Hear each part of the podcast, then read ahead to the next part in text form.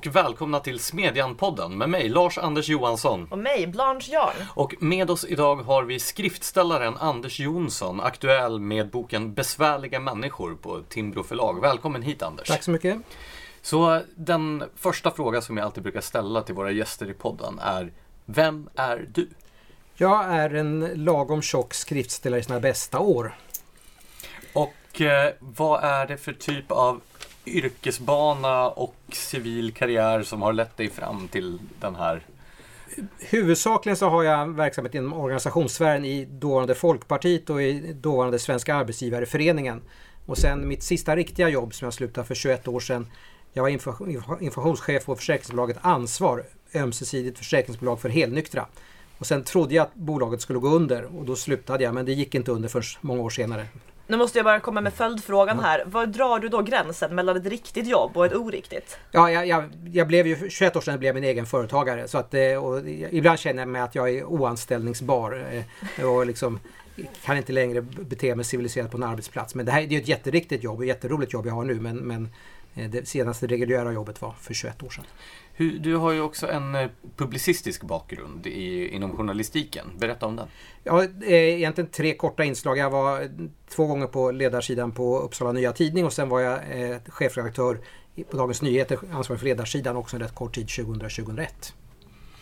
Och nu är du då skriftställare med en ganska diger bokproduktion bakom dig.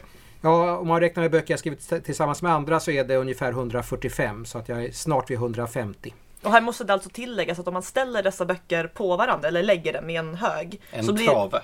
Okej, en trave. Så blir alltså den här traven högre än du är lång. Ja, precis. Och jag försökte göra detta men då välte den så att jag... Eh, det finns inga bildbevis på detta men det finns en trave som är två decimeter kortare än jag men då fanns det en, en antal böcker som inte kom med i traven också. Och då är det bra att den här Besvärliga människor är en så tjock bok. Ja, just det. Den fanns ju inte då jag gjorde traven så att jag, det är därför jag skriver tjocka böcker för att jag inte ska behöva skriva så många för att det ska nå upp Men, till taket. men då undrar jag då som bara har skrivit fem böcker. Hur går man tillväga för att nå upp till den här enorma kvantiteten? Ja, det, det blir ju så här att eh, eh, jag, jag gör ju inget annat. Jag, då, jag titt, då jag tittar på moderna arbetsplatser som de har sett ut sedan jag slutade så är det ju mest liksom man ska formulera värdegrunder och jämställdhetsplaner och funktionshinderplaner och budgetar och sånt där. Och det behöver man ju inte då man är sig själv. Eh, så att jag hinner mycket.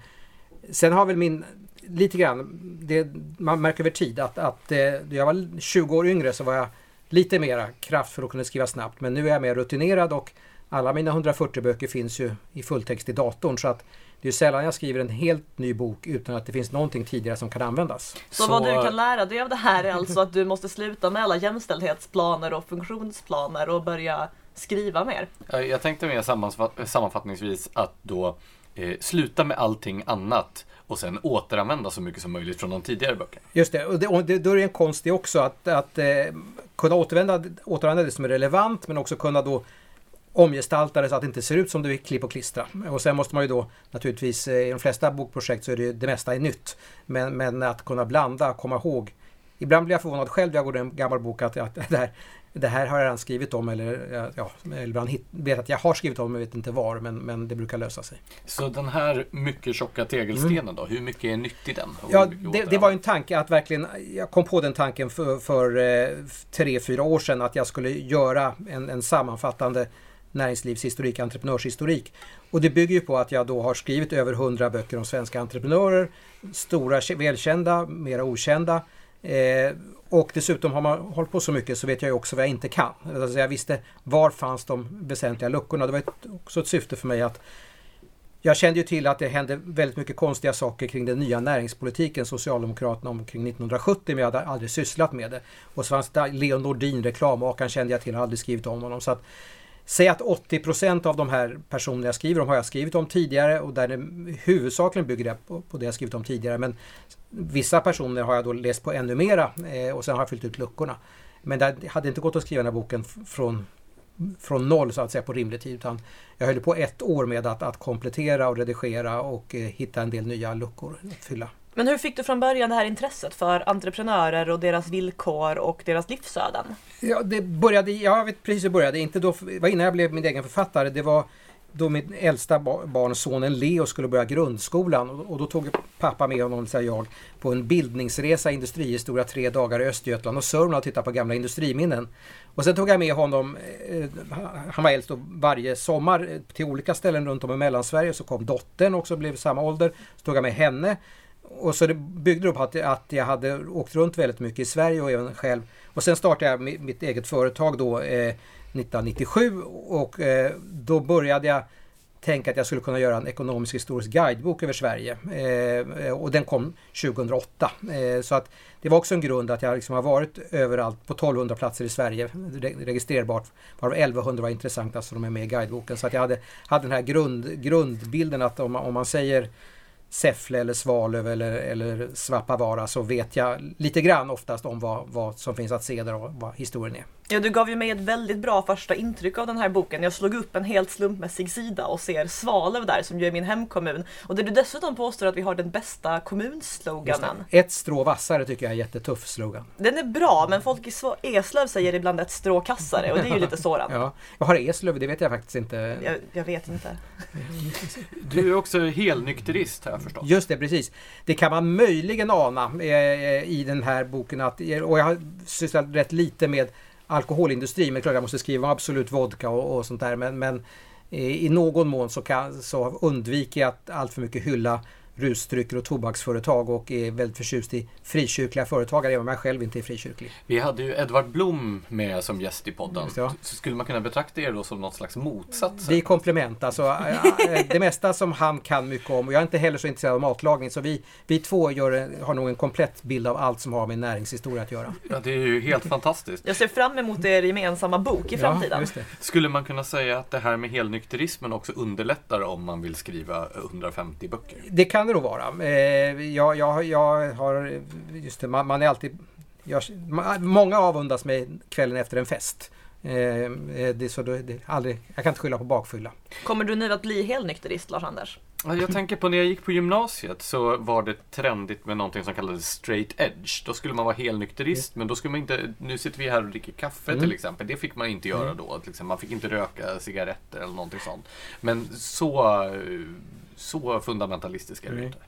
Nej, och jag, min generation, alltså, den här rörelsen som du nämner kom ju efter mig. Och jag tillhör nog egentligen den generation som, som drack allra mest, alltså mellanölsgenerationen. Nu, ja, liksom, nykterismen ligger i familjearvet men, men det var rätt ovanligt att man då som jag valde att helt avstå i, för oss som är födda i mitten på, fem, mitten på 50-talet. Men kaffe går bra? Kaffe, just det, går bra. Och jag röker inte heller men, men eh, Eh, så att jag har inga, inga starka moraliska skrupler därvidlag. Är du positivt inställd till frikyrkan så tänker jag baserat på mina mm. fördomar att mm. då måste du nästan vara positivt inställd till kaffe också. Just det. Alltså mitt intresse för frikyrkan, jag är inte alls frikyrklig även om det finns då längre bak i familjen, men jag tycker att det är ett intressant fenomen. Eh, och det har, som jag skriver om i bland den här boken, det finns ett samband mellan frikyrkoregioner av typ Gnosjö och, och företagarregioner och det försöker jag då fundera på varför, varför mycket av den här lokala starka företagskulturen ofta hänger samman med, med frikyrk, frikyrklighet. Vad tror du det beror på då?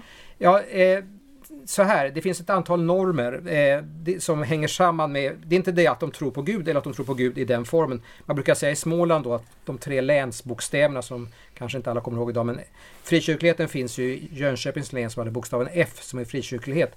Så hade vi, hade vi Kalmar län H som är högkyrklighet och Kronobergs län G som är gammalkyrklighet. Och de var lika kyrkliga och lika skötsamma men det frikyrkliga skilde sig från det hög och gammelkyrkliga det var att de hade väldigt starka nätverk. De umgicks, de hade syjuntor, kaffeföreningar eh, och så här. Så att det fanns en norm, eller finns väl fortfarande på sådana orter, att om du är företagare i en viss bransch, i en sån här frikyrkobygd, då har du en moralisk skyldighet att hjälpa andra företagare på orten, även om de är konkurrenter.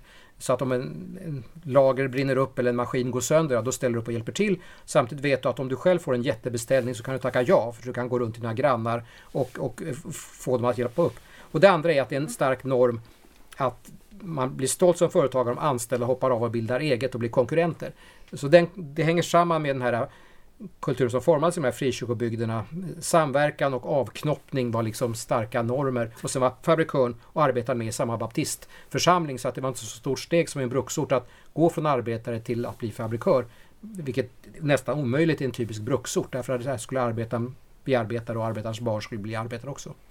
Det här är intressant. Ekonomhistorikern Deirdre McCloskey skriver ju i eh, i sin stora bok Bourgeois Virtues om eh, protestantismens betydelse för kapitalismens framväxt och mm. argumenterar då mot Max Webers teori om att det är den protestantiska dygdeetiken som låg till grund för att det var just i de protestantiska länderna. För han menar då, alltså Deirdre McCloskey, Deirdre McCloskey menar eh, i kontrast till Max Weber att det i själva verket var hur församlingarna var organiserade i protestantiska länder jämfört med i katolska länder som utgjorde skillnaden. Nämligen den här typen av föreningsliv och allting sånt.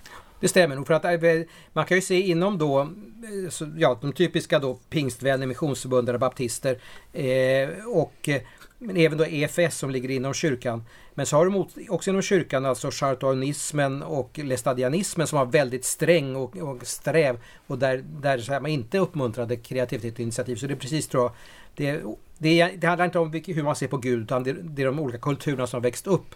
Eh, lite grann slumpmässigt vad det nu beror på att vissa typer av församlingar har vissa typer av sociala strukturer och det är det som är det intressanta. Och det kan ju då leva vidare även om frikyrkligen dör, dör ut så kan ju idrottsföreningar eller andra drag finnas kvar på sådana orter. Men det här blir ju en utmärkt brygga då in till vårt huvudämne, nämligen entreprenörskapet. Och då tänkte jag att först skulle vi behöva en definition. Vad är entreprenörskap enligt dig? Ja, det är en person eller möjligtvis en grupp av personer som introducerar något nydanande. Eh, och jag skriver ju mest om nydanande i affärslivet men man kan tänka sig en entreprenör inom kulturliv, forskning, politik, fackföreningar, religionssamfund. Men det är någonting som är nytt och som får påverkan på mark den marknad man verkar. Det är inte, inte bara nytt i största allmänhet utan det, är så, det, är så, på, det påverkar, man kan säga, konkurrenterna måste anpassa sig. Eh, det är det som är måttet på entreprenörskap, att man introducerar något nytt så att kon konkurrenten måste antingen sticka eller, eller omvandlas för att det man gör är så pass omvälvande på den marknad man verkar. Men du säger alltså att man kan vara entreprenör inom politik? Ja, starta det, ett parti. Det låter ju ja. liksom... Ja, du tänker ja, så. så, så tänker Ian Wachtmeister liksom. Just det. Och man kan ju också alltså, tänka sig, ja man skulle kunna säga att Ebba Busch Thor, entreprenör, har omvandlat Kristdemokraterna till något helt annat än det var på Alf Svenssons tid. Eh, ja, så att säga, går ju även så att på, på, ta över ett, ja, påverka ett parti. Men det, det, mer, ofta handlar det om att man skapar något helt nytt. Men det finns ju entreprenörer som tar över en befintlig struktur och gör någonting någonting helt annat. Bidragsentreprenörer till exempel. Ja, just det. Alltså, alltså det, det, finns ju en, en, en William Baumol, amerikansk ekonom som har sagt att i alla samhällen så finns det entreprenörer. Har man dåliga regelverk så ägnar man sig åt att försöka an, ja, jaga bidrag. Har man goda regelverk då ägnar man sig åt att tillfredsställa kunderna. Så att det, eh, sen tror jag det varierar lite grann från olika kulturer om hur pass initiativrika man är. Men det finns liksom destruktiva entreprenörskap i, i miljöer där det lönar sig bättre att, att fuska eller fiffla eller, eller jaga bidrag. Hur är Sveriges entreprenörskapsmiljö då? Uppmuntrar den till skattesmitning och bidragsfusk eller uppmanar den till det bra finns entreprenörskap? Ju, det finns ju, finns ju uppenbarligen strukturer där det är väldigt mycket offentliga bidrag där man snedvrider. Det behöver inte bara vara skurkar. Det kan ju vara man har en starkt reglerad jordbruksmarknad eller bostadsmarknad så behöver man inte vara en skurk men man anpassar sig till de regler som finns och det blir ett, blir ett eh, inte särskilt produktivt ledarskap. Eh, miljön i Sverige är ju bättre idag än den var för 30-40 år sedan men den är väl sämre kan man säga än för 100 år sedan. Din bok heter ju Besvärliga människor. Mm. Varför betraktas entreprenörer som besvärliga? Din beskrivning av entreprenörskap låter som att det är fantastiska personer som samhället behöver. Just det, och det vet man först efter att man har lyckats. Alltså, eh, ta Ingvar Kamprad som ett exempel. Så Eh, han började ju säga, verkligen som en outsider med en lite ja, postorder och sålde allt möjligt och sen började med, med möbler och så hade han kataloger och, och platta paket och sådär. Så först tyckte man han var lite löjlig och undlig. Men sen då han började lyckas och kunna sälja möbler billigare än den etablerade möbelhandeln. Ja, då startade de bojkotter mot honom. Så att man tyckte han var besvärlig och skulle liksom inte, inte finnas. Han var ingen seriös möbelhandlare. Och sen i tredje steget eh, då han hade lyckats så hyllade vi alla honom. Så att framförallt är det de konkurrenterna, de inom sfären, det kan ju ofta vara experterna, de som tror sig veta hur man ska driva bilindustri eller, eller bankverksamhet eller vad det nu är. Att de ja, tar inte den här nya på allvar eller man anser att han, han eller hon uppträder på ett sätt som man inte ska göra i den här branschen. Så att därför är de, man tror starkt på en avvikande idé. Och då, måste, då blir man besvärlig och uppfattas som besvärlig.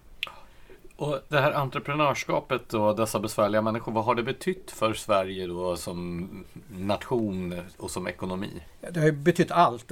Varje företag har ju eh, en gång varit litet. Det, klart, det finns företag som har startat eh, i mer, kring en mer etablerad verksamhet men, men nästan alla betydande företag har ju startat med någon typ av avvikande tanke.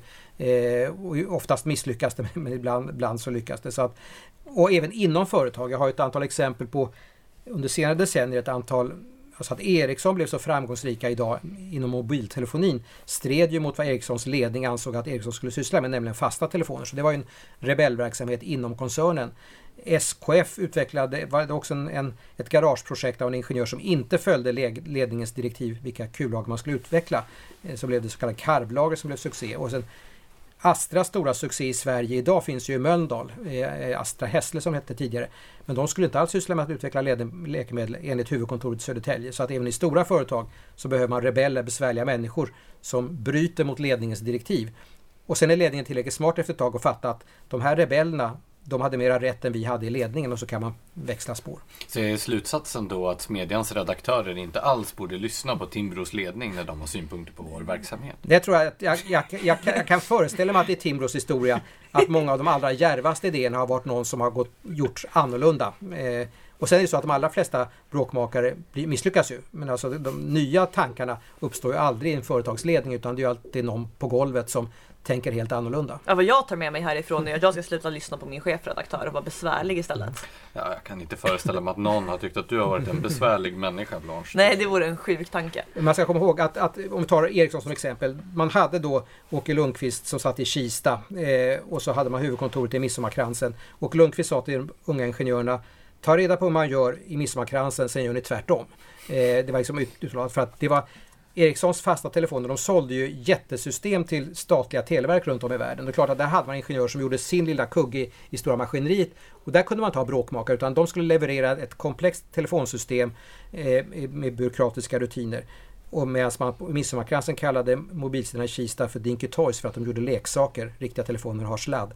Men sen då, då mobiltelefonsidan visade sig vara framtiden, ja då var man tvungen att huvudkontoret ta över detta och göra en byråkratisk struktur. Alltså man, kan- man kan skapa nya system genom att vara rebeller och tänka annorlunda och bråka. Men sen ska man då sälja tusentals system runt om i världen, ja då måste man ha en stor stelare struktur. Så då byråkratiserar man. Så om ni blir framgångsrika här, eh, då kommer sen ledningen att ta över och göra er till byråkratiska tjänstemän som tar er briljanta nya bråkiga idé och gör den till organiserade strukturer som kan spridas i tusentals exemplar runt om i världen. Det låter fasansfullt. Det låter som ett förskräckligt öde för alla våra bra idéer att Ja. bli byråkratiserade och så. Vi har ju publicerat en recension av din bok Besvärliga människor eh, där recensenten skriver att eh, du lyckas illustrera genom att lyfta upp vilka typer av entreprenörer som blev framgångsrika vid olika tidpunkter i historien. Eh, hur det här speglar hur Sverige var som land och att verka i. Kan du gå in mer på det här? Alltså, vad, vad säger de lyckade entreprenörerna och de misslyckade om samhället de lever i? Jag, jag har ett perspektiv på 400 år. Då kan man grovt säga att de första 200 åren då hade vi ett, ett ekonomiskt system som innebar att allt som inte uttryckligen var tillåtet, det var förbjudet. Nu talar du alltså om 1600-1700-talet? Just det, precis. Från 1600, början av 1600-talet till- till början av 1800-talet. Allting var förbjudet. Alla svenskar skulle vara bönder. Skulle man inte vara bonde så fordrades ett privilegium att just du ska göra just detta på just denna plats på just detta sätt. Eh, och sen skedde det stora skiftet 1864. Då blev allt tillåtet om inte lagstiftningen sa att just det här är förbjudet. Eh, så det innebär att de entreprenörer som fanns före 1800-talet de verkade under helt andra villkor. Och då hade vi ett problem att det fanns en tendens till bidragsjägare. Jonas Ahlströmer som är känd för potatisen och manufakturverket i Alingsås. Han var så här typisk som nådde framgång med att springa i riksdagskorridorer och regeringskorridorer för att få ekonomiska bidrag och skydd mot konkurrens. Medan detta avskaffades så var man tvungen att verka på marknaden. Ja, då pajade hans företag. Eh, men det fanns då vissa som ändå i det här systemet kunde kunde utveckla eh, briljanta innovationer. Kristoffer Polhem som uppfinnare. Men, så de fick genomslag därför att han var så duktig. Men, men samtidigt så sa han ju, han ju själv att jag hade fötts i fel land vid fel tidpunkt. Därför att han hade kunnat göra tiofalt mycket bättre om inte han hade varit motarbetad av regleringarna. Och när var han då verksam? Han var verksam kring sekelskiftet 1700, slutet av 1600-talet, början av 1700-talet.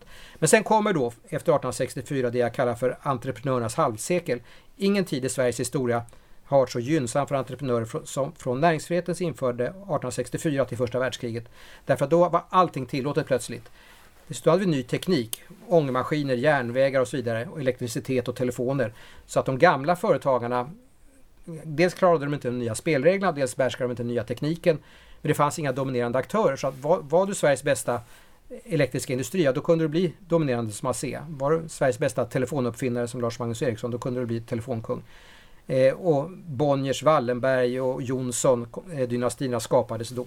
Så att efter första världskriget, ja då fanns det etablerade aktörer i de flesta branscher. Då började också regleringarna bli lite, lite större. Stat och kommun lite mer aktiva. Så då var det här fönstret av möjligheter stängt igen. Eh, så väldigt många av de företag som är stora i Sverige idag grundades just i det här fönstret av möjligheter mellan 1864 och 1914. Då infinner sig frågan, var det staten som var pådrivande bakom de här regleringarna eller var det rent av de aktörer som hade etablerat sig och dominerade respektive bransch? Alltså avregleringar som skedde då under första halvan av 1800-talet, där, där var det det var de liberala krafterna i staten som var pådrivande. Det fanns liberala företagare men eftersom vi hade skråväsendet som staten hade gett upphov till så kan man säga att näringslivet var behärskat av stela strukturer. Det var skråväsendet som hade makten i näringslivet. Så att det var framsynta ämbetsmän, framsynta politiker snarare än framsynta företagare. Ja, en del politiker var ju företagare i grunden men det var staten som drev, drev på eh, avregleringarna. Jag tänkte regleringarna ja. sen i samband med... Sen regleringar. De, de, de, de kom ju i huvudsak, egentligen inte så mycket, vissa branscher under mellankrigstiden men då var det politiska särintressen. Eh, det första steget, första backlashen var ju då vi återinförde spannmålstullar och industritullar på 1880-talet. Och där var det ju företagarintressen, alltså spannmålsbönder som ville ha skydd mot konkurrensen från andra länder. Eh, Medan konsumenterna eh, ville då fortfarande ha fri eller inga tullar på spannmål.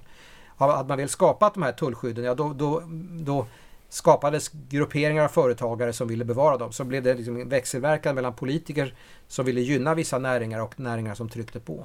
Och det här var inte bara en kamp mellan höger och vänster. Nej. Du har ju även publicerat en text i Smedjan om vem som socialiserade Just Sverige. Just det, jag hävdade eh, att om man tar den här perioden mellan, alltså omfattar eller mellan bägge världskrigen de regleringar som infördes då var huvudsakligen av liberaler och konservativa och då Socialdemokraterna reglerade jordbrukssektorn så var det därför att Bondeförbundet drev på. Socialdemokraterna hade aldrig själva velat reglera jordbrukspolitiken utan det var för att göra upp kohandel med Bondeförbundet. Och det jag, den, det jag säger då är att Socialdemokraterna drev också socialismen. Då de drev dem i val då förlorade de och då fanns det borgerliga politiker som stoppade. Så det farligaste är det då borgerliga politiker blir socialister för då finns det inga som stoppar. Eh, så att sossarna hade ju inte majoritet före andra världskriget. Eh, utan det var bara då borgerliga politiker ville reglera mera som de lyckades. Sossarna på egen hand kunde inte göra det. Så om vi ska gå in mer på detaljnivå då. Mm. Vilka har varit de enskilt viktigaste eller mest intressanta entreprenörerna om vi ska lyfta individer då? Om vi börjar längre bak i historien. Ja, alltså Kristoffer Polhem är en av de allra första som då var en genial uppfinnare och det var inte bara så som en del Leonardo da Vinci och andra att man gjorde vissa fantasiskapelser utan det var bevisligen så att hans konstruktion, till exempel mekanik kring gruvor, eh, hans helautomatiska fabrik för att tillverka delar till urverk och bägar och tallrikar i, i Dalarna. De, var, de fungerade och var jätteeffektiva. Men det, eftersom näringslivet var så reglerat så fanns det inget, inget intresse. Säg så här, att han, han lyckades tillverka delar till urverk betydligt billigare än vad man gjorde hos urmakarna. Men urmakarna var ju fångade i skråväsendet. Så de hade, hade ingen nytta av att någon kunde spotta ut sig billiga kugghjul utan det stred mot hela deras affärsidé och affärsmodell. Eh, men, men han var då den första liksom, geniet och han var liberal. Han klagade på regleringarna men ha, ha, kunde inte, hade inte någon tillräcklig makt för att kunna vända på detta. Och eh, sen då om vi flyttar oss framåt, ja, 1700-tal? Ja, 1700-tal. Där är det ju Egentligen den som jag beundrar mest är ju inte, ju inte företag utan politiker, alltså prästen Anders Chydenius från Österbotten som driver det första liberala genombrottet i Sverige. Då avskaffar man de här stödet till manufakturerna som Jonas Ahlström levde på. Man tillät städerna i norra Sverige, som också omfattade norra Finland, att själva direkt exportera det de hade att sälja. Framförallt var det kära. Eh, tidigare var de tvungna att gå över Stockholm så att köpmän i Stockholm gjorde stora vinster på att skära emellan eh, bönderna i Norrland och, och köparna ute i Europa. Eh, Dessutom så införde, drev han igenom tryckfrihetsförordningen 1766 år. Så, att, så det är det stora som hände på 1700-talet. Men sen kommer nästa steg, Lars-Johan Hierta, som ju både var politiker och företagare och han levde ju precis i brytningen att det kom ny teknik, eh, stearinljus och kemisk teknisk industri och möjlighet att göra effektiva tidningar med Aftonbladet och tändsticksfabriken i Jönköping och många andra företag som han samverkade med. Han var både liberal att driva igenom avregleringar, eh, ökade rättigheter för kvinnor eh, men också då att ut, eh, ta tillvara nya affärsidéer och han blev ju väldigt rik och förmögen. Han hade en, också en förmåga, det är ju ett, ett problem för många entreprenörer är ju att de kan hitta möjligheter och chanser i goda tider men de har ingen broms då konjunkturen svänger. Många företag har varit jätteinitiativrika och sen kommer en lågkonjunktur eller konkurrens utifrån och de har ingen bromspedal utan de bara öser på och går i konkurs. Men han kunde också se att nu funkar inte det här längre så kunde han bromsa och göra trätt och liksom hålla ut till, och, eh, tills, tills nya möjligheter gavs. Vilken roll spelade då pressfriheten, tryckfriheten i den här utvecklingen?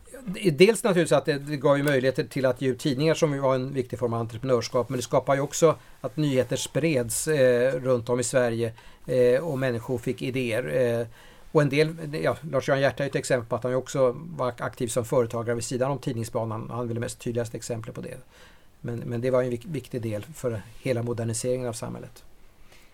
Alltså en annan grej, nu har vi ju talat om framgångsrika entreprenörer, ja. men vilka är de intressantaste totala genomklappningarna under den här tiden du studerat? Nej, men så, vilka är de största misslyckandena? Ja, Ivar Kryger är ju det. Alltså han, han, han verkar ju då under den här dynamiska mellankrigstiden. Han hade utbildat sig till, till byggnadsingenjör, varit i USA och lärt sig armerad betong, alltså ny teknik att, att ha stålarmering i betong så man kunde bygga mer hållfasta konstruktioner och kommer tillbaka till, till Sverige i början av 1900-talet och så bygger han Stockholms stadion, NKs varuhus på Hamngatan och en del andra stora byggnader, kraftverk uppe i Piteälven och, och en del annat.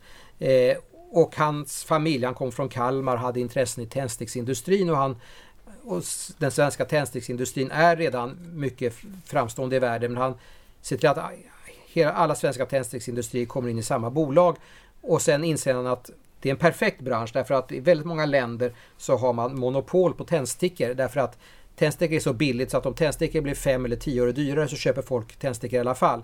Så att eh, han, han får rätt i olika länder att få tändsticksmonopol. Och så har han mycket effektivare produktion än, än den befintliga. Och sen så ser han till att staten kan då lägga en tändsticksskatt på några öre emellan. Och så blir det ändå så att man kan kränga massor av tändstickor i utbyte mot att han eh, förmedlar lån från USA. Eh, det finns överskott av kapital i USA och underskott av kapital i Europa och Latinamerika.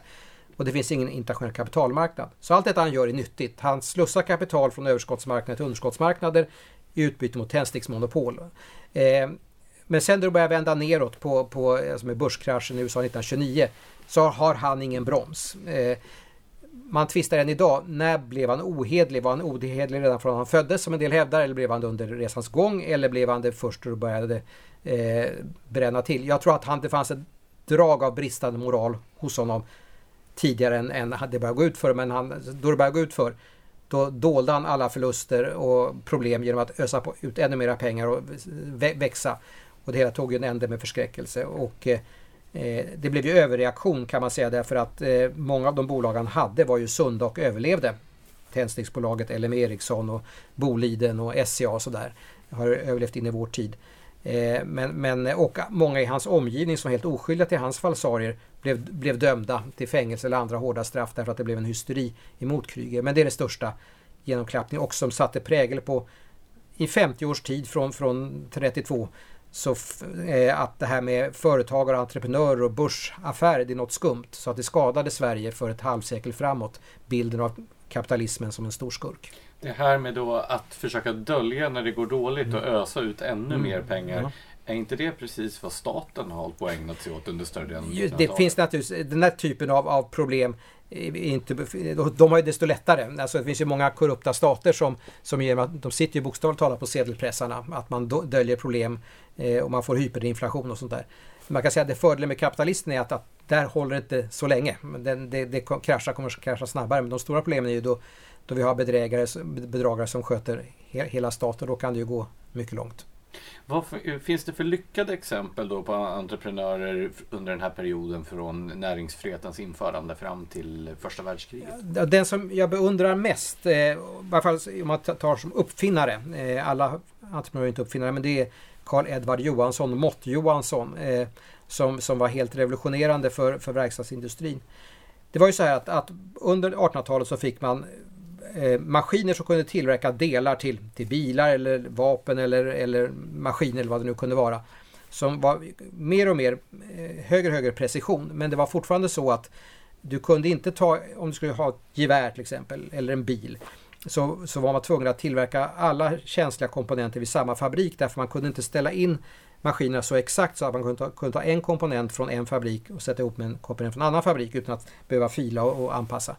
Eh, vad han gjorde var att ta fram en måttsats med 102 olika metallbitar som man kunde sätta i staplar och ställa in med en, med en hundradels millimeters noggrannhet. Och det innebar då att om du skulle ha en, en produkt med 100 komponenter så kunde du tillverka komponenterna på 100 olika platser om alla hade hans måttsats. Eh, eh, och det blev mycket effektivare för då kunde man ha arbetsfördelning och det som var så intressant med honom var att 1915 så bestämde USAs försvarsdepartement att skulle man tillverka krigsmateriel till USA så var tvungen att ha Joe Blocks som det hette och det var bara Eskilstuna man kunde tillverka dem. Så att när USA gick in i kriget 1917 så kunde de dra, använda hela amerikanska näringslivet. Du, ni gör landningsstället till ett flygplan, ni, ni gör vinklaffen och så här. Eh, och USAs inträde i första världskriget var ju avgörande för dess utgång. Eh, och det var tack vare Karl Edvard Johansson Eskilstuna som gjorde att USA kunde mobiliseras oerhört snabbt. Just därför man kunde tillverkade på många, många olika komponenter. Så att det, är det, det är egentligen den, det kanske den viktigaste entreprenören med denna lilla löjliga detalj. Att kunna ställa in verktygsmaskiner med en hundradels millimeters noggrannhet. Och sen då, efter första världskriget och sedermera även socialdemokratins eh, intåg mm. på scenen, eh, Krügerkraschen. Då förändras förutsättningarna för entreprenörskapet. Jag tänker mig att det är en annan typ av entreprenörer också mm. som gör sig gällande. Man kan säga det som dominerar efter andra världskriget och det är också präglat från USA det är att nu anser man den här, den här besvärliga entreprenören, den här lilla, lilla konstiga mannen eller kvinnan som har, har en underlig idé att det är passerat utvecklingsstadium. Utan nu ligger framtiden hos de stora företagen med deras välutbildade företagsledningar. Så det är civilingenjörer och civilekonomer som, som leder jättestora företag. Det är de som bär framtiden. Och de var viktiga i Sverige med ASEA, LM Ericsson, AGA, eh, SKF och så vidare. Eh, och det var ju samma syn man hade i nationalekonomin. Alltså entreprenörer fanns inte i, i den neoklassiska nationalekonomin och i, i ämbetsverk. så, så att tanken var att man stödjer de här stora företagen att de ska kunna bli effektivare. Och då är det intressant, var hittar man då entreprenörerna? Jo, de hittar man inte i industrin, för det har, det har där dominerar den här expertsynen. Inte heller i banker och försäkring som är hårt reglerade, utan det är i fackhandeln. Fackhandeln har då ansetts vara oväsentlig. Den bryr sig nationalekonomer inte om och den bryr sig inte politiker om. Och därför kan de sådana här underliga entreprenörer som Ingvar Kamprad, IKEA, Erling Persson, H&M, Per-Olof Ahl, Kappahl, Bengt Nygren, Buketten. De liksom befinner sig under radarn. Att där är de stora entreprenörerna. De sysslar med något som det svenska etablissemanget inte bryr sig om. Eh, och sen har vi en del bråkiga kvinnor som Britt Wadner på piratradiostationen Radio Syd och Ulla Murman som grundlägger den svenska bemanningsbranschen som är vår tids mest spännande entreprenör. Berätta om piratradiostationen. Just det. Det fanns ju två stycken i Sverige. Det fanns Jack Kotschack, eh, en finlandssvensk invandrare som sände eh, i Mellansverige och södra Finland eh, radiostationen Radio Nord. De startade omkring 1960. Och så fanns det Britt Wadner som sände i Öresund mot Skåne, Radio Syd. Det här, de sände på internationellt vatten. Så att formellt sett så gick det inget brott men man skärpte lagstiftningen. Politikerna skärpte lagstiftningen eh, så att man skulle omöjliggöra att man, de som från Sverige gav reklamuppdrag till radiostationerna ett brott eller om man, om man levererade mat till dem. Eh, då, det var också brott. Vi försökte att svälta ja, ut det var exakt tanken. Då, alltså, all, alla som, man kunde inte komma åt de fartyg som låg på själva vatten men alla som på svensk mark gjorde något som underlättade för dem, de kunde man klämma åt. Och då la Radio Nord ner. Men, men Britt Wadner hon var tuffare så hon fortsatte Eh, och det lustiga var, det var i Skåne, så den här motsättningen mellan Skåne och huvudstaden spelade in. Så att tullare, poliser och så nere i Skåne, de, de, många av dem gillade henne så att de, de sket i att klämma, klämma åt henne. Här i Stockholm så fanns det inga som stödde Radio Nord för att här var det huvudstaden. Men där blev det en motsättning mellan Skåne och, och eh, huvudstaden så att hon kunde kämpa vidare. Men hon blev dömd till en månads fängelse och satt på Hinseberg, kvinnofängelse bland, bland rånare och mördare. Eh, för att, eh, och sen skärpte man lagen ytterligare och då var hon tvungen att ge upp. Men hon höll alltså ut i det längsta och blev jättepopulär nere i Skåne. Man känner sig lite extra stolt över Skåne. Ja, verkligen. Men då infinner sig två frågor. Det ena är varför var det så viktigt för staten att stoppa den här verksamheten? Mm. Och den andra frågan är ja, men vad drev henne att trots den här repressionen mm. kämpa på? Det är inte, alltså, det, så här, det, det, staten eh, var ju rädd för att då skulle man släpp, släppa ja, vad, vad som helst. Det kunde bli liksom eh, propaganda för det ena och det andra och, och man, man värnade, ja, och det intressanta, alltså Folkpartiet och Moderaterna var emot skärpning av lagen men det fanns en moderat som avvek, nämligen Svenska Dagbladets chefredaktör Allan Hernelius som var högerriksdagsman. Alltså, piratradion hotade ju pressens annonsintäkter.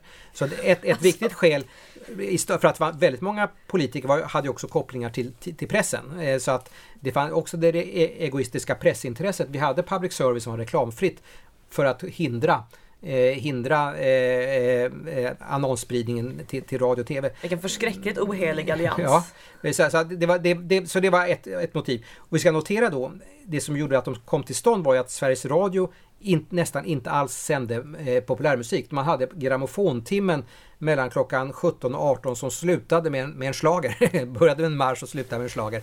Eh, eh, eh, så att vad som hände först var då Radio Nord och Radio Syd startade, det var att Tage Danielsson som alltså var chef för, för populärmusiken, man, man startade Melodiradion och sen P3. Det var ett direkt svar på, på Piratradion, att man släppte in populärmusiken. Man hade börjat med tätare nyhetssändningar, man började med sportsändningar, vilket piratradiostationen hade börjat med.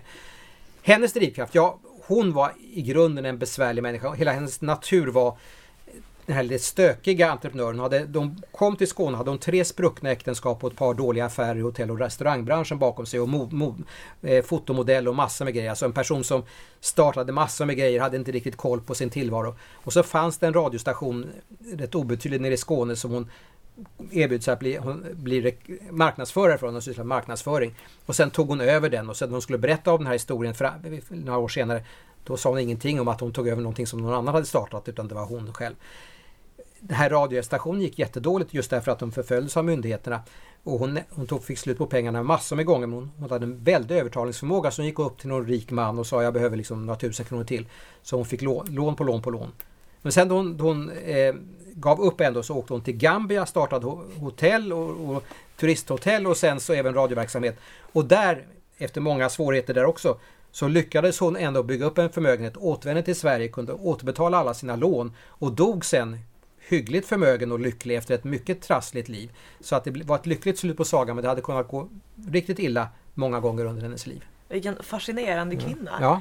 Eh, jag skulle vilja återkoppla till det här du nämnde om hur eh, tändstickskungen, alltså ja. Kryger, mm. påverkade synen på mm. ja, men kapitalet i princip. För att jag har iakttagit det här att man förr brukade, alltså det fanns liksom en beundran för entreprenörer ja. som inte längre finns idag. Jag tänker just på det här man brukade kalla de riktigt framgångsrika för någon sorts kung. Så här, mm. L.O. Smith var brännvinskungen och Kruger var tidning, nej förlåt, tändstickskungen och Hjärta var mm. tidningskungen.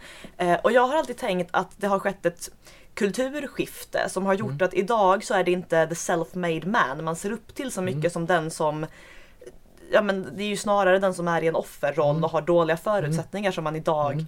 beundrar. Men det kanske alltså var snarare Kryger och andra individers mm. påverkan på det allmänna medvetandet som orsaka den här förändringen? Jo, jag tror att Kryger som person är huvudorsaken. Alltså, han var verkligen sån som man beundrade och eh, såg upp till. Och han, då börskraschen inträffade 1929 på hösten i USA så tog det alltså till 32, eh, så eh, knappt tre år innan han sprack. Så att under den tiden så trodde man fortfarande att han var Gud. Alltså här höll hela världen på att gå under men Kryger växte och han, han skulle frälsa.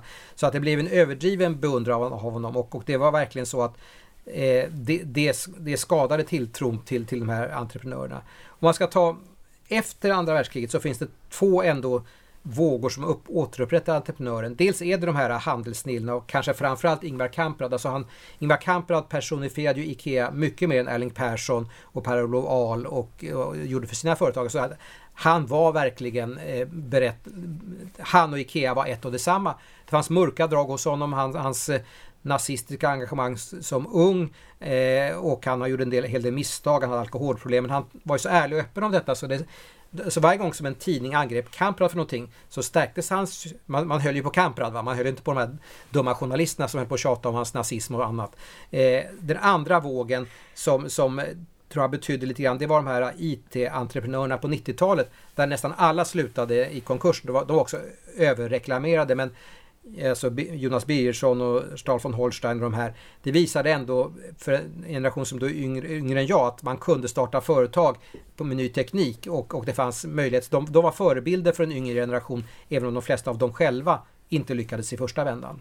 Ja, där har det väl också skett en förändring att en entreprenör för sysselsatte väldigt många människor. Mm. Så det var ganska lätt att se vad den här personen gjorde för nytta för samhället. Mm. Medan många av de mest framgångsrika entreprenörerna idag driver små teknikföretag mm. med ett väldigt begränsat antal anställda. Mm. Och det kanske också har påverkat eh, folks insikter om vad entreprenörskapet betyder för samhället. Just det, det är så påfallande att de här eh, senare, alltså Spotify och Klarna och, och Mojang och sådana här företag ju, även om man tittar globalt, har, har rätt så få anställda medan SKF som då kullagerfabriken som grundades 1907 redan efter fem år så var det Göteborgs största arbetsplats. Så alltså, liksom, den här mass, massindustrin den finns ju knappast längre.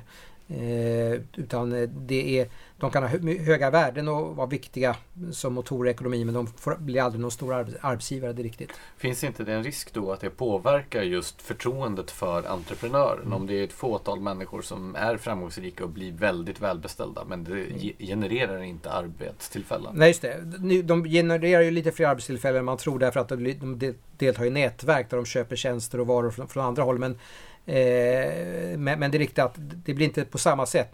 Man, man slipper anse den här brukskulturen att plötsligt så växer upp ett företag med flera tusen anställda på en ort som man är helt beroende av. Vi har ju då, jag diskuterar lite grann, jag håller på och skriver om Stockholms IT-historia där ju Ericsson ju fortfarande är viktiga men i Stockholm så betyder de ju oerhört mycket mindre vad gäller antal sysselsatta. Men de som följer branschen säger att Stockholm är stabilare idag än det var för 20-30 år sedan för då var man alltså helt beroende av Ericsson. Men idag så är det så många företag så att en som Ericsson drabbas så finns det en helt annan infrastruktur av, av mindre och medelstora företag och de, de kan omvandlas och gå under och utvecklas och nya startar. Så att strukturen är, är mer flexibel idag. Just Stockholm är väl inte heller det allra bästa stället att starta ett eh, personalintensivt företag idag med tanke på hur svårt det är för människor att flytta hit och hitta en bostad och hur svårt det är att arbetskraftinvandra till Sverige. Så då, det kanske också gör att fler väljer att driva företag med färre anställda. Just det. Alltså, om man verkligen behöver ha liksom flera tusen anställda varför man ska samla på samma plats, eh, inte sådana som liksom cyklar runt i, i, i miljön, då, då, väljer man andra ställen än Stockholm. Och det, det, det är få, ja, det finns en del industrier eller kanske logistikcentrum där som verkligen, verkligen med så många men då lägger de på ställen med, med lugna arbetsmarknader och billigare markpriser.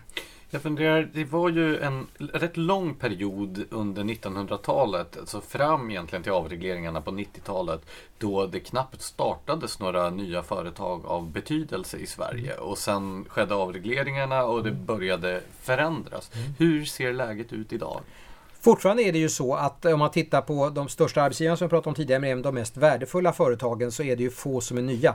Eh, du har titt- jag skriver om detta i Besvärliga människor, om jag minns rätt så var var eh, så efter 1960 så är det mest värdefulla företaget i Sverige som har säte i Sverige på 52 plats och det är Tele2. Så att eh, det är inte ens så att de, de mest värdefulla företagen är särskilt eh, unga utan eh, det gamla företag. Det, det positiva med detta är ju att, att våra gamla företag har en god omvandlingsförmåga och jag brukar säga att Sverige är världsmästare i omvandling just därför att vi har vi har sådana politiska strukturer, vi har sån facklig mognad. Att, att det är Ericsson är ett lysande exempel. Eh, eh, att, att man kan gå från en teknik till en annan. Vi är rätt duktiga på att gamla etablerade företag kan omvandlas. Eh, för det var ju Eh, eh, till exempel i Frankrike där man strejkade för man höjde bensinskatten med 15 öre så lamslog man hela landet. Liksom, så löjliga är bara fransmän. Alltså det, man klarar betydligt tuffare omställningar som ändå accepteras som nödvändiga om man inställer på att, att försöka skapa nya strukturer. Så att det är synd att vi inte har kunnat skapa riktigt stora företag i Sverige under de sista 50 åren men det är bra att de gamla företagen, vår omvandlingsförmåga är så pass god ändå. Men finns det något hopp då för de här brukssamhällena, de som är på baksidan mm. av omvandlingen, där det har varit en stor arbetsgivare i ett företag som kanske grundades för 100-150 år sedan och som lägger ner sin verksamhet på orten. Kan entreprenörskapet vara någon lösning där? Ja, det, idag så inser ju alla kommuner detta. Alltså, jag har ju varit ute och pratat med mycket olika kommuner och läst kommunala hemsidor. Varenda kommun i Sverige så har, har det bästa tänkbara företagsklimatet och de får säga det själva. Här har vi, är det en typ av krisregion, ja, då, här har vi gott om mark och, och, och, billiga markpriser och mycket arbetskraft och sånt där och lediga bostäder. Eh, så att det som har skett under de sista 20-30 åren är att kommunpolitiker och kommunledningar har fattat att man kan aldrig rädda, klara framtiden med att slå vakt om de jobb som finns utan det handlar om att skapa företagsklimat. Men det är svårt därför att är det så att man i en, i en region har varit beroende av bruket i flera generationer eh, så, är, så, kan det vara väldigt svårt att, att till omvandling. Eh, och ett par saker jag brukar nämna där ute och prata med kommuner. Dels är ju att kommunen själv, offentliga sektorn själv, ska börja upphandla mera. Om de är ju stora konsum- för, eh, stora leverantörer av, av transporter, av eh, matlagning och vad det nu kan vara. Om de upphandlar systematiskt, då kan man skapa marknader för företag. Det andra är ju då att, att uppmuntra nyföretagande och även de som kommer utifrån. Invandring, det kan vara invandring från andra länder eller från andra delar av Sverige, eh, kan, kan, kan vara ett sätt att gjuta nytt liv i orten. Och sen är det det kanske viktigaste att titta på hur är det för unga tjejer att växa upp på en, på en sån här ort. Alltså, unga tjejer som har ambitioner är de första som sticker. Man kan strunta i vad unga grabbar tycker därför de stannar kvar hur jävligt det än är. Utan är det, är det kul för en ung tjej att växa upp här, vill de återvända hit efter studier, liksom det är det som är Sen kommer killarna med på, på köpet så att säga. Så att eh, upp, uppmuntra migration, invandring, se till att tjejer trivs och, eh, och upphandla tjänster i offentlig sektor, då kan man möjligen lyckas. Så vad skulle behövas då för en kommun som Svalöv för att mm. få unga tjejer att vilja återvända dit? Fördelen med Skåne är att det ligger så nära så att, så att, så att man kan ju pendla. Med just det, just det. Eh, nej men just det, eh, Skåne har ju den fördelen att det är så tätt så man kan ju bo på ett ställe som, som har en tjaskig arbetsmarknad men med bra bostäder så kan man, kan man pendla. Men men... Ja, pendlingen i Skåne är ju inte, den får ju SL att verka väldigt effektivt. Ja, så att, ja, ähm... Men det är klart att det finns väl regioner i Skåne som är gubbiga. Eh, och då skulle man titta på genusaspekten också där. Men det är klart att de problemen är ju mer än de mera nordliga bruksorterna. Eh, Eh, men sen tror jag, jag är så imponerad av Pågatågen jag är där, men, men det kanske inte alla är riktigt. Men... Nej, men här måste jag också lägga in att jag är rätt säker på att Svalöv fortfarande är en inflyttningsbygd, så kom inte här och dissa. Mm. Ja, nej, men, men de, de, jobbar inte i Svalöv, utan de, de, pendlar eller? Jag tror det är det vanligaste. Ja, alltså har man bil så kommer man ju lättare mm. ifrån. Just det. Jag lyssnade på eh, då han handels professorn är han väl Kjell A Nordström som är ute på sin evighetsturné där han förklarar om eh, företagandets framtid. Och han menar ju att inte bara, alltså att framtiden inte bara finns i, i storstadsregionerna utan mm. att det dessutom är att han hade något så här, om det var 500 meter eller en kilometer från Stureplan. Att det mm. var där som allting mm. ägde rum. Mm. Eh, stämmer detta? Är entreprenörskapet så beroende av att vara centralt beläget? Vissa typer, men jag tror andra också att det finns, eh, finns möjligheter att liksom vara var som helst. Alltså, jag har ju sommarhus på Gotland och man märker också mm, mycket av det jag kan göra där och det finns ju också den här branschen människor som är inom förlagsbranschen, formgivare eller kulturresor, det finns ju fullt av på Gotland. Eh, eh, så att eh, man kan ju också lite grann i olika faser i livet, alltså under en viss typ då man verkligen ska etablera sig, då kan det vara bra att finnas väldigt centralt och ha personliga kontakter. Men sen har man då skapat sig en kompetens som är unik, då kan man befinna sig nästan var som helst. Men okej, nu har vi ju gått igenom vad kommuner kan göra för att, eh, för att skapa ett bättre företagsklimat. Men på, på statlig nivå, alltså rent så här regleringsmässigt.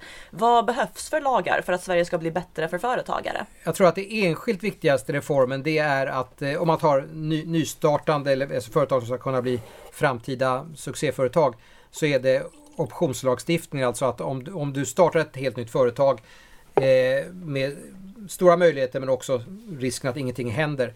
Det är att ska kunna locka kvalificerad arbetskraft, att de får personaloptioner. Går sen företaget åt helvete så ja, då får du inget ut av det men du behöver inte heller betala skatt för det du inte har fått någonting ut av. Men går det jättebra så får du, eh, får du aktier som har jättemycket värde och då får du betala skatt efter det. Men problemet idag har ju varit, och även de förslag som finns, är att de anställda får ta risken att du att betala skatt för någonting som kanske inte är värt någonting. Det tror jag är den enskilt viktigaste för den här typen av företag. Eh, sen, sen finns det alltså inom olika branscher där, som drabbas av specialregleringar eh, och hotet mot vinstförbud i välfärdssektorn är ett sånt där om bostads och byggmarknaden är ju starkt reglerad och sånt där. Det. Skatterna kanske? Ja, alltså generellt sett så, så det är klart att det vore bättre om skattetrycket är lägre men, men eh, jag tror inte att det, det är det enskilt viktigaste att, att sänka det totala skattetrycket. Det, det vore bättre ju lägre det är men jag tror inte att liksom det är det som är verkligen kritiska utan det är specifika skatter eller specifika regleringar snarare än, än det, det generella. Så om du skulle välja en entreprenör ur historien som du särskilt skulle vilja lyfta fram, vem skulle du ta då? Ulla Murman och, och det är inte historien för att eh, hon lever fortfarande och jag, mm, vi bor i närheten av varandra runt Odenplan så jag har sett henne då och då. Hon startade 1953 en helt vanlig skrivbyrå som fanns i Sverige. Man lämnade in ett manuskript eh, och fick det renskrivet eller, eller mångfaldigt eller tryckt eller språkgranskat eller vad det nu kunde vara. Men sen fick hon en kund, en, en professor med oläslig handstil och då skickade hon ut en, en sekreterare till professorn. Och 1955 så kom Arbetsmarknadsstyrelsen till henne och sa att du ägnar dig åt olaglig arbetsförmedling. Alltså om, om arbetet utförs på ditt kontor av din anställd är det okej men skickar ut en anställd till kunden då är det arbetsförmedling trots att hon var arbetsgivare för den sekreteraren som skickades ut. Och det var förbjudet. Och detta gick till rättegång och 1962 så sa Högsta domstolen ja, ambulerande skrivbyråer var att betrakta som olaglig arbetsförmedling. Men då sa riksdagen att det var inte tanken med lagen. Olaglig arbetsförmedling det var då man verkligen var en arbetsförmedling som förmedlade jobb till andra som skulle anställa. Men under utredningens gång fram till 1970 så kom framförallt TCO och Lennart Bodström att trycka på att skärpa lagstiftningen. Så 1970 så infördes fängelsestraff i, i skalan och det blev även olagligt att hyra in från ambulerande skrivbyråer. Ursäkta Ja. att jag avbryter, jag bara måste fråga, varför var det olagligt Ja, så här, det, det grundläggande förbudet eh, mot det som vi skulle uppfatta som arbetsförmedling det var att det fanns något som hette kommissionärer. Ofta enmansföretag, en man som anställde, som förmedlade jobb. Och det som var det missbruk som fanns var att det kallas för piglagen. Att man tog unga flickor på landsbygden som vill ha jobb i hushåll i städerna. Och så, så gick hon, de till, hon till en kommissionär och sa ja, jag har jobb hos en familj här, det kostar x antal hundra kronor om jag förmedlar jobbet. Så tog han betalt både från den arbetssökande och från arbetsgivaren. Och så visade det sig att detta jobb var oanständigt, det fanns inte, det var bluff eller det var förskräckligt. Och då gick flickan till honom igen och så betalade hon en avgift till och så fick hon ett lika dåligt jobb. Det var det, det här missbruket var utnyttjade framförallt unga flickor på landsbygden men även andra som var i desperat behov av jobb att ta betalt för dem och inte kunna leverera ett jobb som var anständigt. Och då måste man alltså förbjuda all typ av arbetsförmedling för att komma till rätta med det här. Just det, och det är intressant att det, det står inte i lagen att den här ambulerande skrivbyråverksamheten också var förbjuden utan det var en tolkning av lagen. Det var inte tanken alls från början. Det fann, den fanns inte på kartan. Men det, man, man hävdade då att lagen avsåg även detta. Eh, men så 62 så sa man ju då att det var inte tanken med lagen. Men då tryckte framförallt TCO på och det var en genusfråga. Det var ju kvinnor som anställde kvinnor i en typisk kvinnobransch. Men det var gubbar på AMS, gubbar på TCO, gubbar i regeringen och gubbar på riksdagen som tyckte att det här fruntimers gör att det kan AMS klara av att förmedla skrivbyråjobb. Men Ulla Murman kunde fortsätta på en viss, viss typ av verksamhet i begränsad omfattning och hon bröt också mot lagen och fick betala böter. Och så kom hon till HD 1989 för andra gången. Och då visade det sig att, och det var riksåklagaren som förde åtalet, då visade det sig att Högsta domstolen själv hade anlitat skrivbyråer, alltså begått brott mot samma lag. Och riksåklagaren hade också hyrt in skrivbyråer och begått samma brott. Så att då hade både Ulla Murman, dom, domaren och åklagaren begått brott mot samma lag. Och då hade de dömts flera gånger tidigare, hållit på med detta i 30 år. borde ha fått det högsta straffet, sex månaders fängelse, men de fick bara tio dagsböter, minimistraffet. Och HD sa i princip att den här lagen är hopplös. Och så gjorde man om lagen. Eh, så att, så att, eh, och hon, hon fattar ju att det, hon gjorde de anställda trivdes, alla behövde det, inklusive justitiedepartementet hyrde hennes tjänster också eh, mot denna lag. Så att hon såg inte skäl att sluta utan tog böterna som omkostnade i rörelsen och fattade att det jag gör är rätt och jag skiter i, skiter i de här gubbarna som inte fattar någonting. Hon gjorde alltså så bra ifrån sig att hon kunde finansiera alla böter Ja, för det var också. låga böter hela tiden eh, och det hände liksom en gång vart femte år att de fick, fick drabbas av böter. Det var inte bot per, per per eh, uthyrning utan det var liksom hon fick eh, eh, duggade in lite böter då och då. Det var inga, så att, och sen ändrades då lagstiftningen i två vändor eh, i början på 90-talet. Så att hon är liksom en hjälte. Och hon var, jag har träffat henne, en, en, då var hon ju 80 plus, men en kraftfull kvinna som visste vad hon gjorde och liksom, det var ingen som har satt, satt sig på. Liksom, eh, så att det, var, det är en oerhört beundransvärd kvinna. Och hennes företag är ju idag Manpower. Alltså hennes son tog över och sen såldes det till Manpower så att det är det största bemanningsföretaget i Sverige. Och det är hon och några av hennes vänner, kollegor som la grunden till hela den svenska bemanningsbranschen. Fascinerande. Eh, och om detta kan man läsa i Besvärliga människor. Precis. Ja, eh, tiden börjar löpa mot sitt slut och vi har ju några sådana här obligatoriska moment. Mm. Eh, du är ju kunnig inom musik också, har Ja. skrivit en bok om musik för... Eh, Frihet är det bästa ting på Timbro som handlar om den klassiska frihetstemat i den klassiska musikhistorien. ja, men det är ingen hårdrockshistoria i detta. Nej, Då kommer det kanske att bli ett, en viss utmaning för dig att ta ställning i den obligatoriska frågan. Vilket av banden Dismember eller Amon Amart som du föredrar? Jag tycker det, det får jag gå på namnet, jag tycker det första lät tuffare. Ja, Det är helt rätt svar. Vi visste att man kunde lita på dig. Eh, det är korrekt. Dismember är tuffare än Amon Amart. Eh, och sen då vår eh, sista obligatoriska fråga.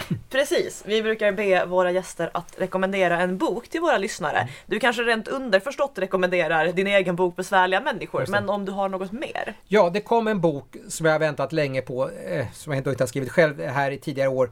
Det är en eh, väldigt intressant och välskriven biografi om Selma Lagerlöf. Selma Lagerlöf, Sveriges modernaste kvinna. Anna Nordlund och Bengt Vanselius.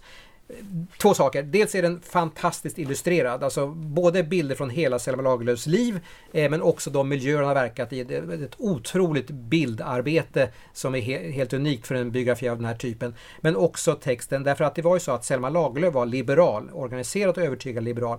Det kom för några år sedan en biografi om henne där hon påstod att hon var socialdemokrat därför att hon som ung hade skrivit ett brev till någon och tyckte att det här med Socialdemokraterna lät intressant. Och de flesta som skriver om henne förtiger helt hennes politiska gärning. Det är inte hennes huvudsakliga insatspolitik men här är också en bok som är helt ärlig och beskriver henne korrekt i politiska termer. Så att förutom att de beskriver hennes litterära gärning, hennes privatliv eh, och, he- och hela hennes liv och även politiska engagemang med de här fantastiska bilderna, det tycker jag är en jättefin bok. Selma Lagerlöf, Sveriges modernaste kvinna. Av Anna Nordlund och Bengt Vanzelius. Just det.